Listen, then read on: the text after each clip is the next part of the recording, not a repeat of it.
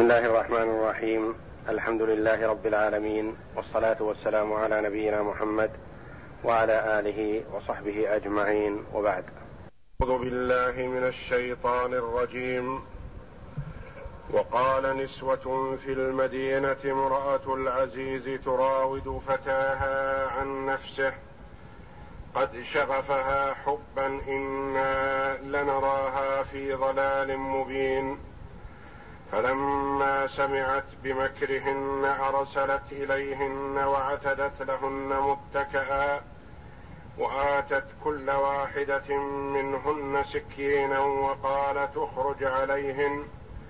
فلما رأينه أكبرنه وقطعن أيديهن وقلن حاش لله.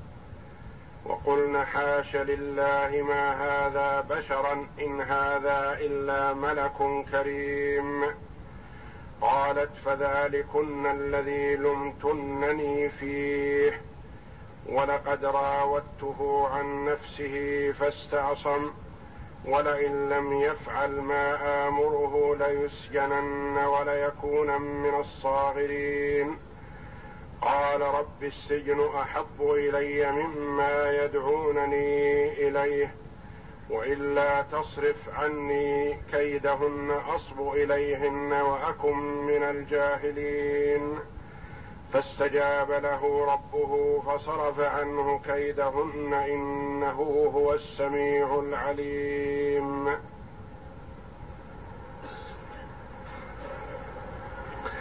هذه الآيات العظيمة في سياق قصة موسى قصة يوسف عليه الصلاة والسلام بعد ما راودته امرأة العزيز أرادته أن يواقعها فامتنع ورمته بذلك بأن قالت إنه هو الذي أرادها.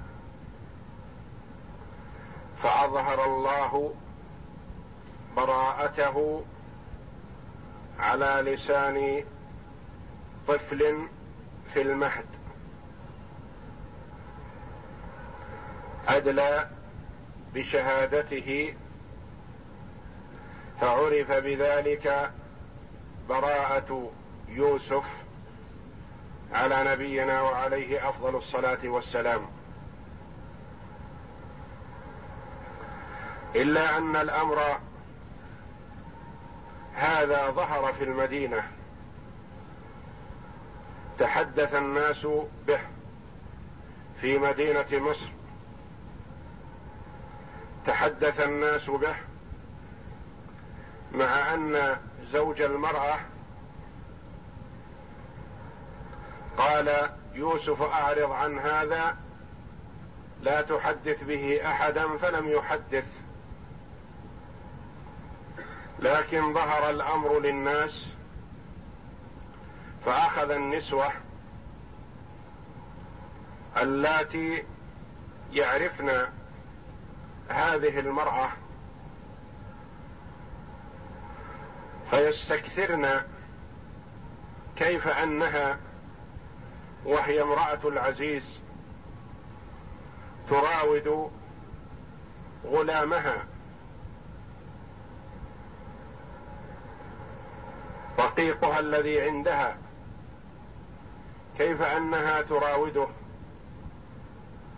فلا يليق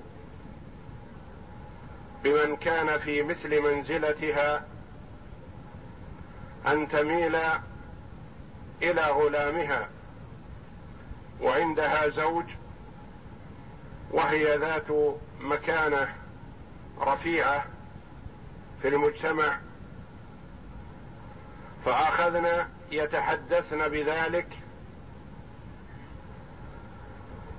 ولعلهن يريدن أن تعلم عنهن ذلك فتدعوهن لرؤية يوسف لأنهن يتمنين أن يرينه لما سمعنا عنه من جماله وبهائه.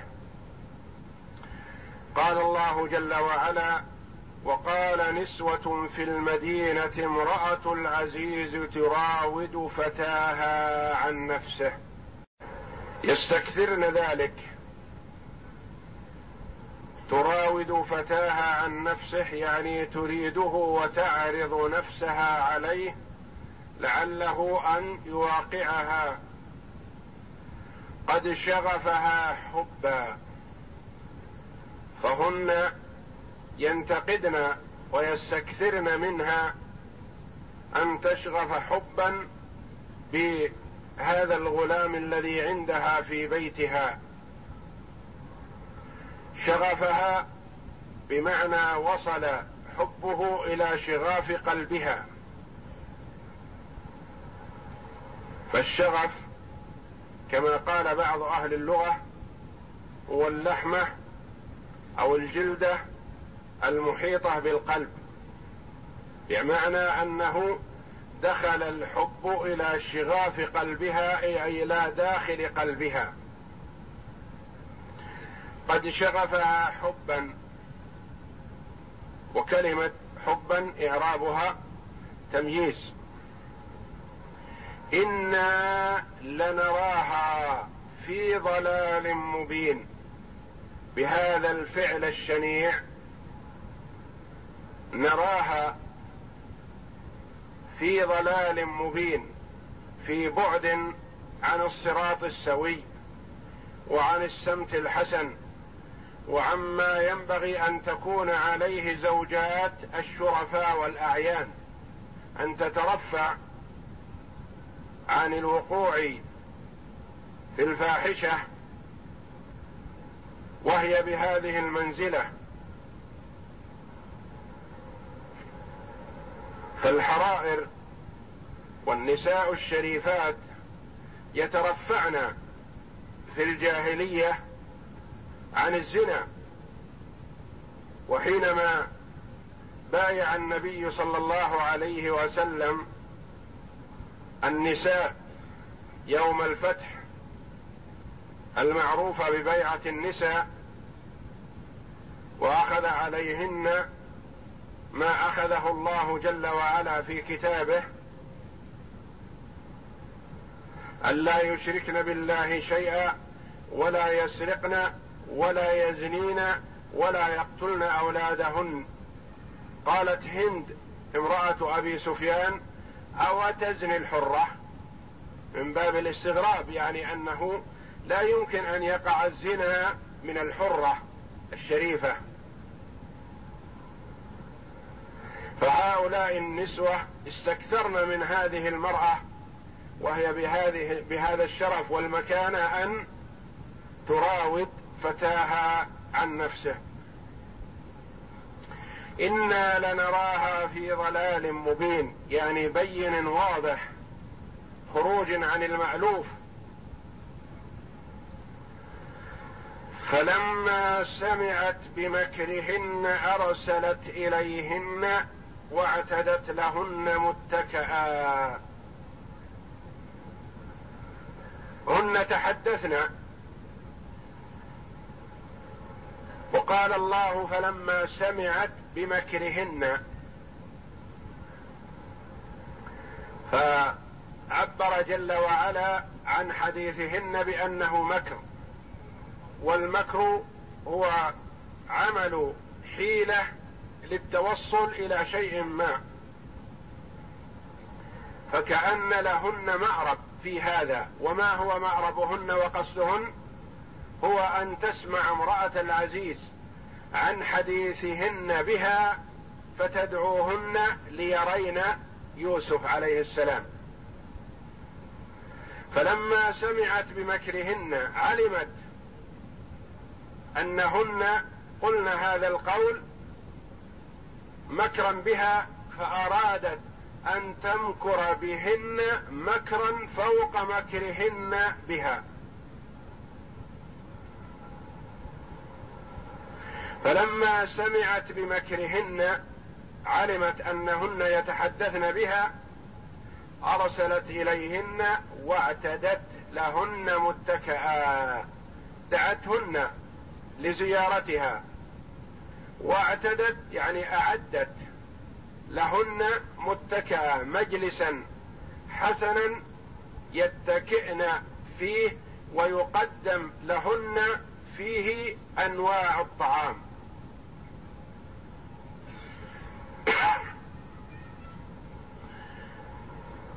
كانها أرادت إكرامهن وهي أرادت أن تفتنهن بيوسف كما افتتنت به. ومع الانتقام أرادت مع الفتنة أرادت أن تنتقم زيادة.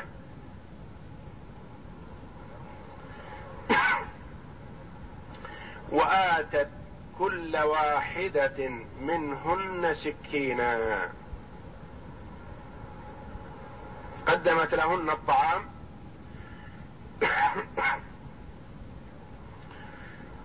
وبعض الطعام يحتاج إلى السكين فأعطت كل واحدة منهن سكينا قال بعض العلماء قدمت لهن أنواع الطعام ومن ذلك الأترج وهو يحتاج إلى تقطيعه بالسكاكين. فأعطت كل واحدة وآتت كل واحدة منهن سكينا تعمل بها. فلما رأت أنهن قد اتخذن السكاكين لتقطيع ما يقدم لهن قالت ليوسف وهو لا يستطيع أن يعصي أمرها اخرج إليهن. اخرج عليهن. فخرج. فإذا هو كالبدر.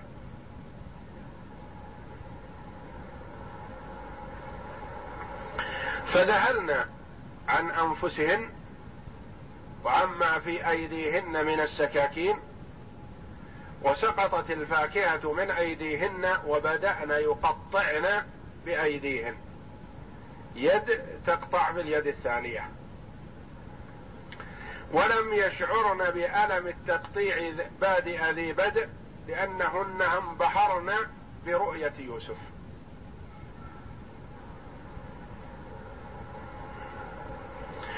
فلما رأينه لما خرج عليهن أكبرنه يعني عظمنه. رأينا فيه العظمة والأبهة والجمال والوقار الذي لم يرينه من قبل على بشر. أكبرنه. وقال بعض العلماء ويروى عن ابن عباس رضي الله عنه أكبرنه بمعنى حضن أصابهن الحيض. لمجرد رؤيتهن يوسف وانبهارهن بذلك أصابهن الحيض نزل عليهن الحيض. قالوا إنه ورد في اللغة العربية الإكبار بمعنى الحيض وذلك أن المرأة إذا بلغت سن المحيض بلغت سن الكبار. تكون كبيرة إذا حاضت. وقبل أن تحيض فهي صغيرة. ومن المعلوم أن الحيض هو علامة البلوغ من علامات البلوغ بالنسبة للمرأة. فإذا حاضت وجبت عليها التكاليف الشرعية. يجب عليها أن تصوم رمضان. يجب عليها أن تؤدي الصلوات الخمس. تكون مسؤولة ومحاسبة عنهن. بخلاف سنها قبل المحيض فلا يجب عليها الصيام وجوبا إلا نفلا لأنها غير بالغ ولا تجب عليها الصلاة وإنما تتأكد في حقها.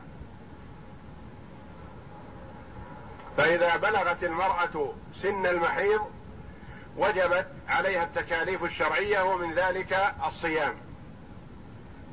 فبعض النسوة تجهل تبلغ سن المحيض ولا تصوم. تظن أنها صغيرة. وقد يبادر عليها الحيض لأنه قد يتأتى بعد تسع سنوات. فأول سن ممكن أن تحيض فيها المرأة تسع سنوات. وآخر سن تحيض فيها المرأة على قول كثير من العلماء خمسين سنة. يعني بعد الخمسين لا حيض وقبل التسع لا حيض وممكن أن يكون حيض في حال في في السن التاسعة للمرأة.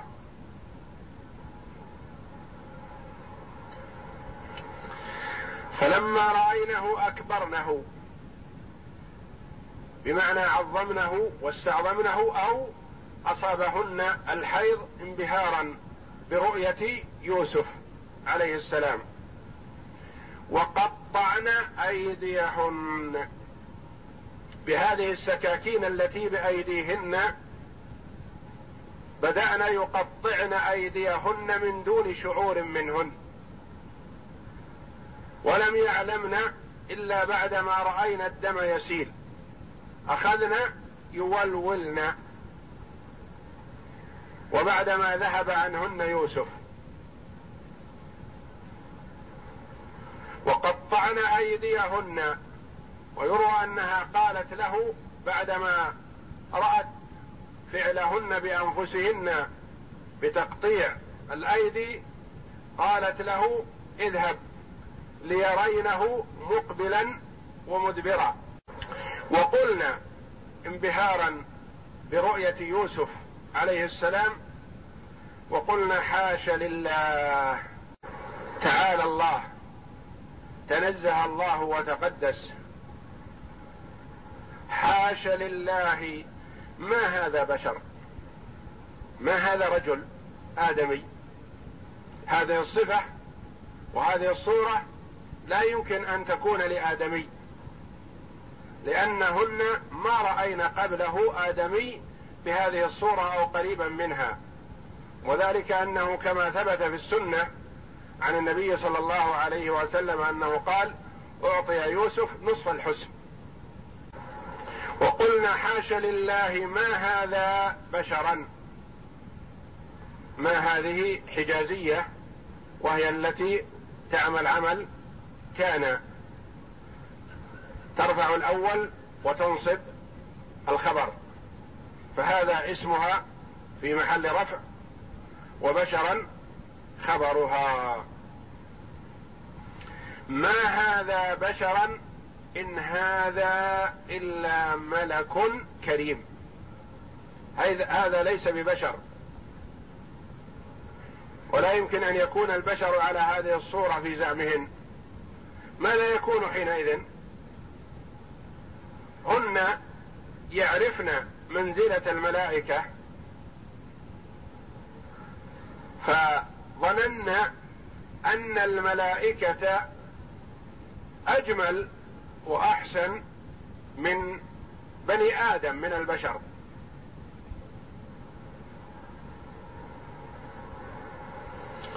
وإلا فإنهن لم يرين الملائكة ولم يعلمن عن حسن الملائكة أو عدم الحسن.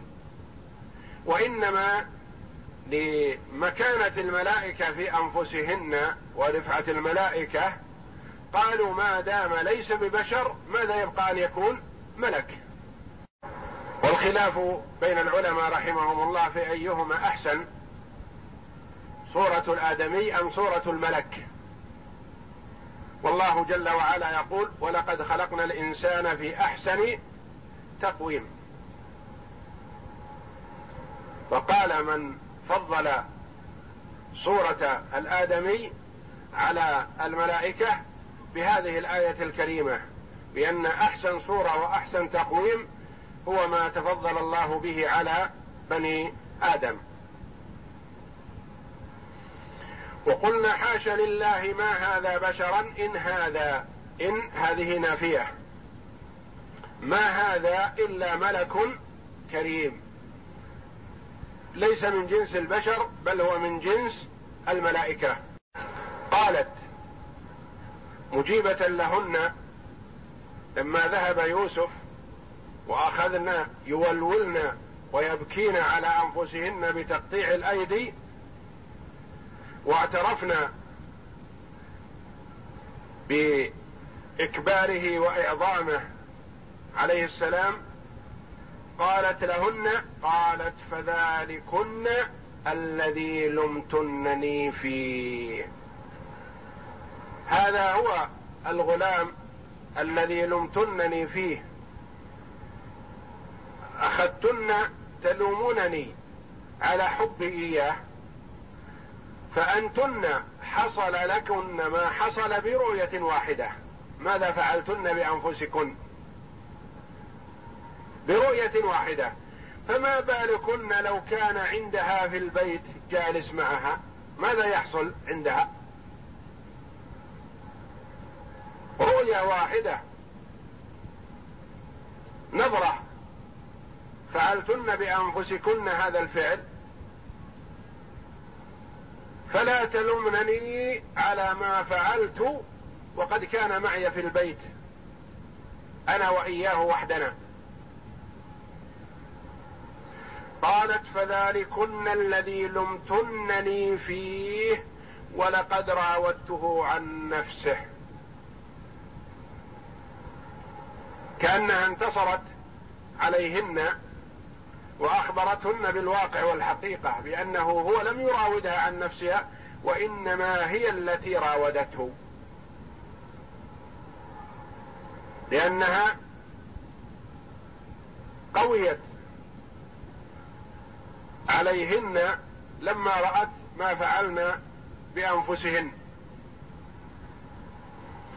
قالت فذلكن الذي لمتنني فيه ولقد راودته عن نفسه. لقد حاولت معه أن يفعل بي فماذا حصل؟ هل فعل أو لا؟ أرادت أن تبين جماله الخفي. هذا الجمال الظاهر الذي رأيتم والجمال الخفي طهارة النفس والترفع عن الفحشاء والمنكر والتمسك بطاعة الله جل وعلا والابتعاد عن معصيته مع وجود الكثير من المغريات. قالت فاستعصم. جماله الباطني بقولها فاستعصم. راودته حاولت معه. فاستعصم امتنع. هذا جمال باطني. إيمان بالله وابتعاد عن المعصية. وخشية الوقوع في الإثم مع توفر الأسباب الداعية للوقوع في المنكر ومع أخذ الاحتياطات اللازمة في أن هذا الأمر لا يظهر لأن الإنسان قد يمتنع عن المعصية خوف العار أو خوف أن يظهر أمره للناس. بعض الناس يحمله الامتناع عن المعصية خشية الفضيحة. وإلا قد يكون خوفه من الله أقل. فيوسف عليه السلام امتنع عن المعصية خوفا من الله جل وعلا وحده. وإلا الأسباب الداعية للوقوع كلها متوفرة وموجودة. والأمن من علم الناس مأمون لأنه قد أغلقت الأبواب كلها. فهو عليه الصلاة والسلام اعتصم بالله وامتنع عن الوقوع في الإثم لأنه آثر اللذة الباقية بطاعة الله جل وعلا ودخول الجنة على لذة فانية بالوقوع بالمعصية تحرمه من رضا الله جل وعلا ومن كرامته في الدار الآخرة. والعاقل من آثر ما يبقى على ما يفنى. فالعمل للآخرة لوجه الله جل وعلا والدار الآخرة يبقى ويدخر للعبد. والعمل للدنيا ينتهي بانتهاء اللذة والمتعة.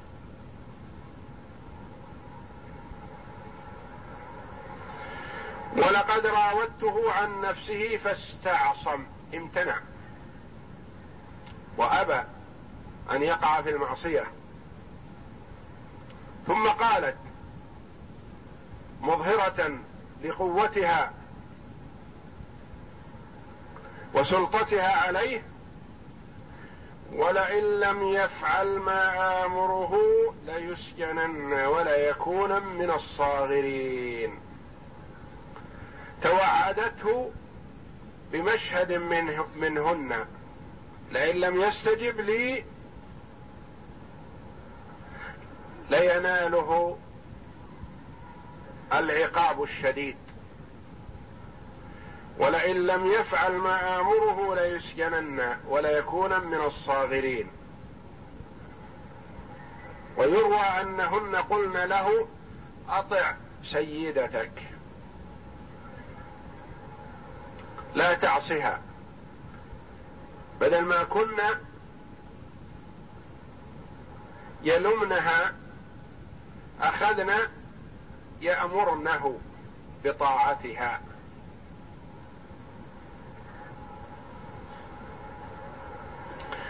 ماذا كان موقفه عليه الصلاة والسلام؟